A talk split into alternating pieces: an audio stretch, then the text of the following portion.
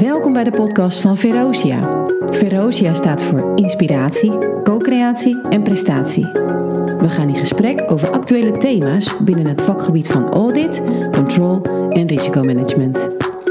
Ja, beste luisteraar, welkom bij Verosia Podcast. Mijn naam is Björn Walraven en we gaan, van, we gaan het vandaag hebben over audit methodiek. En dat doen we als onderdeel van een serie uh, die we gaan maken over dit onderwerp. En dat doen we met Alexander Babelioski, specialist op het gebied van internal audit en onder meer docent internal auditing aan de Erasmus Universiteit. En Mark Dame van Verosia, tevens docent internal audit bij Avans Plus. Welkom heren. Dankjewel. Um, ja, uh, audit uh, methodiek, daar gaan we het over hebben. Maar misschien is het goed om te starten met, met de vraag van wat is nu eigenlijk een goede audit? Waar je die methodiek voor nodig hebt om, uh, om, om daar uiteindelijk te komen. Dus wat, is, wat, is, wat kenmerkt nou een goede audit, uh, Alexander? Um, nou, kijk, je moet denk als auditor altijd beseffen dat een audit op zich eigenlijk niet zoveel voorstelt. Hè. Uh, een audit is een onderzoek wat je uitvoert en wat pas waarde krijgt op het moment dat er iets mee gedaan wordt. En ehm, ik zie audit eigenlijk meer als een, als een stap in een verbeterproces. Mm -hmm. En dat verbeterproces wordt door iemand anders uitgevoerd. En um, eigenlijk is een goede audit een audit die aanzet tot actie. En uh, een audit zet aan tot actie op het moment dat er onderwerpen uh, worden geraakt die, uh, die voor de opdrachtgever van belang zijn. Dus ik, ik denk dat het allerbelangrijkste kwaliteitscriterium van een, van een audit is, is dat een audit over relevante dingen moet gaan. Mm -hmm. En ik denk dat heel veel audits over niet relevante dingen, dingen gaan. Okay. En, en, dat ertoe leidt dat, uh, uh, ja, dat er niks gedaan wordt met auditresultaten. Oké, okay, maar dat is interessant, want klaarblijkelijk uh, zijn er dan toch nog steeds organisaties die onderzoeken laten uitvoeren naar zaken ja, waar ze voor de rest niks mee moeten, hoeven, kunnen. Hoe werkt dat dan? Nou, ik denk dat het vooral komt omdat heel veel auditors um, ja, achter hun bureautje zitten in hun kantoortje en uh, vervolgens gaan bedenken hoe een normenkader voor een audit eruit moet zien. Zonder daarbij voldoende afstemming uh, te hebben met degene die uiteindelijk de bevoegdheid heeft om in het auditobject in te grijpen. En um, dat auditors vanuit de beste bedoelingen um, ja, insteken en optieken uh, gaan uh, bedenken voor audits. Mm -hmm. beoordelingscriteria gaan opnemen die zij belangrijk vinden of belangrijk achten. En dat dat niet altijd hoeft overeen te stemmen met wat de verantwoordelijke leidinggevende belangrijke punten vindt. Dus, dus het is heel erg belangrijk om in verbinding te staan met die opdrachtgever dan als auditor? Ja, en, en nou, dat auditmethode is, is dat ook een rode draad die elke keer terugkeert.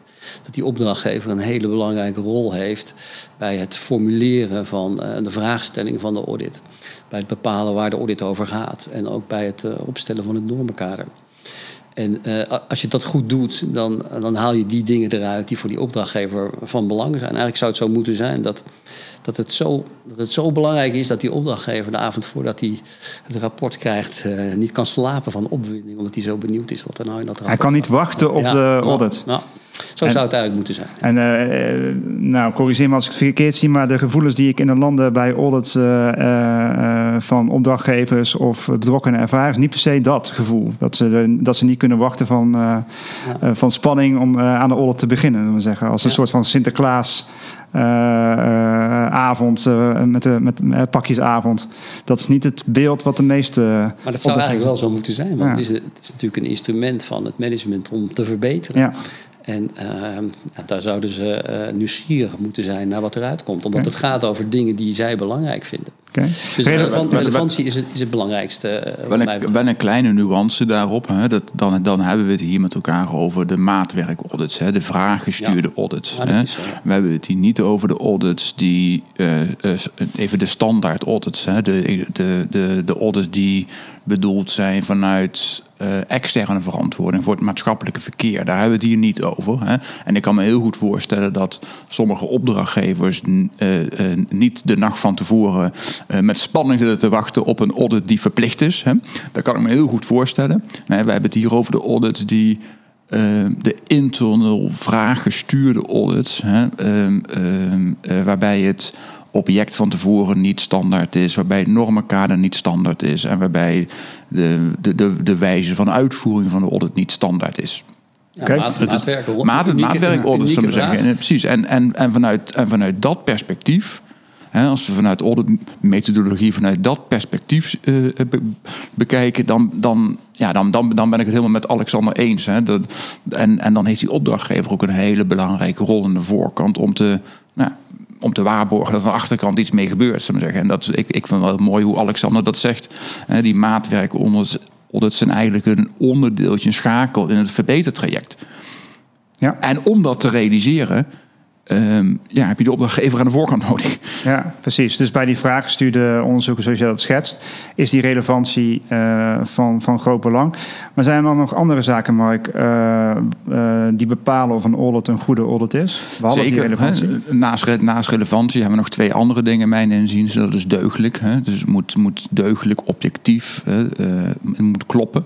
Hè. Ehm, met andere woorden, je moet voldoende bronnen uh, uh, hebben geraadpleegd om een objectief onafhankelijk oordeel te kunnen geven uh, of aan die norm voldaan wordt. En mijn is daar een heel belangrijk criterium is dat het reproduceerbaar moet zijn. Ik moet als auditor kunnen uitleggen hoe ik tot een bepaald orde ben eh, gekomen. Mhm. Ik vind eigenlijk in plaats van objectief, ik vind het werkwoord altijd mooier, objectiveren. Dus een auditor moet na afloop van een audit eh, kunnen uitleggen, objectiveren, hoe nou de oordeelsvorming in elkaar gezeten heeft. En, en dat eh, is best wel een lastig dingetje. Als je kijkt naar veel audits. Ja, zie je dat in de praktijk fout gaan? Ja, dat zie, ik, dat zie je heel vaak fout gaan. En ehm, auditors worden jammer genoeg niet vaak genoeg bevraagd op uh, de methode van oordeelsvorming. Maar uh, als je het een beetje door gaat drukken, kom je al heel snel op, uh, nou ja, professional judgment. Hè. Ja. vertrouw mij maar. Ik, ik loop al jarenlang rond in organisaties en ik, ik weet hoe dingen zitten. En vertrouw mij maar, ik heb hier ja. rondgekeken en ik vind dit. Ja. En, of ik kwam binnenlopen, ik keek rond en ik zag gelijk wat er hier fout ging. Ja, bijvoorbeeld, ja. En ehm, ik zou het wel prettig vinden als ik auditier was of ik was uh, op een of andere manier uh, werkzaam in een afdeling waar een audit gedaan wordt. Dat, dat er heel duidelijk is waar naar gekeken wordt. En, uh, en we hadden het net al even over die relevantie het is ook belangrijk dat alleen in juiste dingen gekeken wordt en dat iedereen daar hetzelfde onder verstaat. Ja. Eh, dus als opdrachtgever wil je wel graag weten dat die dingen die jij belangrijk vindt ook echt in die audit meegenomen worden. Dus is het ook heel belangrijk om van tevoren goed aan te geven wat zijn dan die dingen die wij gaan onderzoeken. Ja, ja dus de scoping hoort bij die relevantie. Uh, als... Ook het objectiveren van, dus duidelijke vragen stellen, uh, duidelijke criteria hanteren, het, hetzelfde verstaan onder de criteria die, uh, die gebruikt worden. Eh, en, en, en, ook aangeven wat, wat er dan moet zijn en wat er niet moet zijn. Dus die objectivering heeft ook te maken met hoe ga ik dan mijn oordeel uiteindelijk vellen. Dus hoeveel van iets moet er zijn. Wil ik het goed vinden of wil ik het niet goed vinden? Dus relevant uh, hoor ik jullie zeggen. Ik hoor jullie deugdelijk zeggen. Het, uh, het, uh, het, onderzoek moet ook goed in elkaar zitten. en de, de, de gebruiker moet op de uitkomsten kunnen steunen. Ehm, andere zaken nog die van belang zijn voor een goede audit? Nou ja, als laatste doelmatig verkregen. Hè, dat we, en daar bedoelen we mee dat we uh, niet meer onderzoeken dan relevant. Uh-huh. Uh, en niet meer bronnen gebruiken dan nodig is om dat deugdelijke antwoord te krijgen. Okay. Dat kan soms wel op gespannen voet met elkaar staan. Hè? Want ja, hoe minder eh, mensen je gaat bevragen, hoe doelmatiger het wordt. Maar uh, ja, op een ja, hoe minder betrouwbaar. Ja, hè? Ja.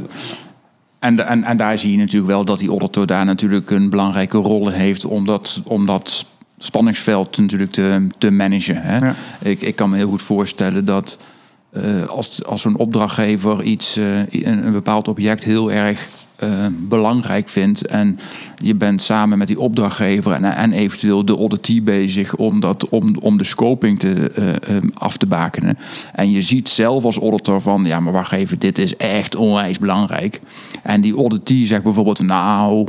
Uh, uh, laat dat maar even buitenscopen om welke reden. En dan heb je natuurlijk wel dat proces te managen over van oké, wat gaan we wel en niet in scope plaatsen. Want je wilt natuurlijk wel voorkomen dat je voor het, kan, voor, voor het karretje gespannen wordt. Hè? Dat eigenlijk die die het zodanig draait dat, die, nou, dat er eigenlijk altijd een, een, een, een goed uitkomt of zo. Hè? Dat, die, dat het met, met vlag en wimpel doorgaat. En hetzelfde geldt met, de, met, het, met het raadplegen van de, van de bronnen.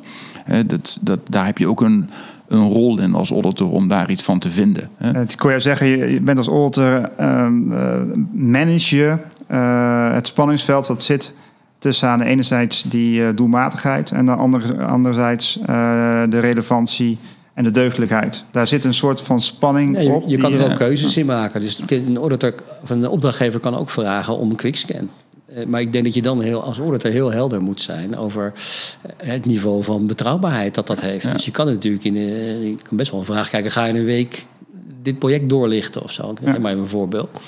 Nou, dan moet je dat als auditor ook kunnen doen, maar dan moet wel helder zijn ja, wat dan het antwoord in kwaliteit, uh, wat, wat, voor deugdelijkheid dat antwoord heeft. Ja, en uh, dus relevantie, deugdelijkheid en doelmatigheid als belangrijke criteria voor audits, die in ieder geval de audits die, die op maat worden uitgevoerd voor de opdrachtgever.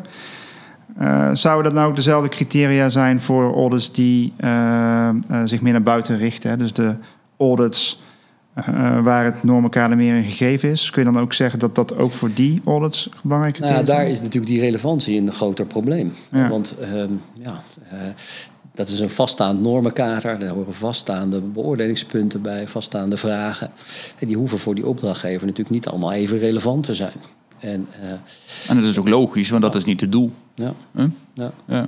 Nee, dus de, de, de, relevantie zit hem dan vooral in de gebruiker die misschien meer buiten de organisatie zich uh, ja, begeeft. precies. En dat, en dat spanningsveld waar we, waar we, waar we, net, of waar we het net, net over hadden, over, die, over het aantal bronnen. Ja, ook, ook dat is vaak gegeven. Hè? Dat is vaak gegeven in welke mate, met welke diepgang je die uh, orders die een externe werking hebben, moet uitgevoerd moeten worden. Want anders kun je het weer niet ver, uh, vergelijken.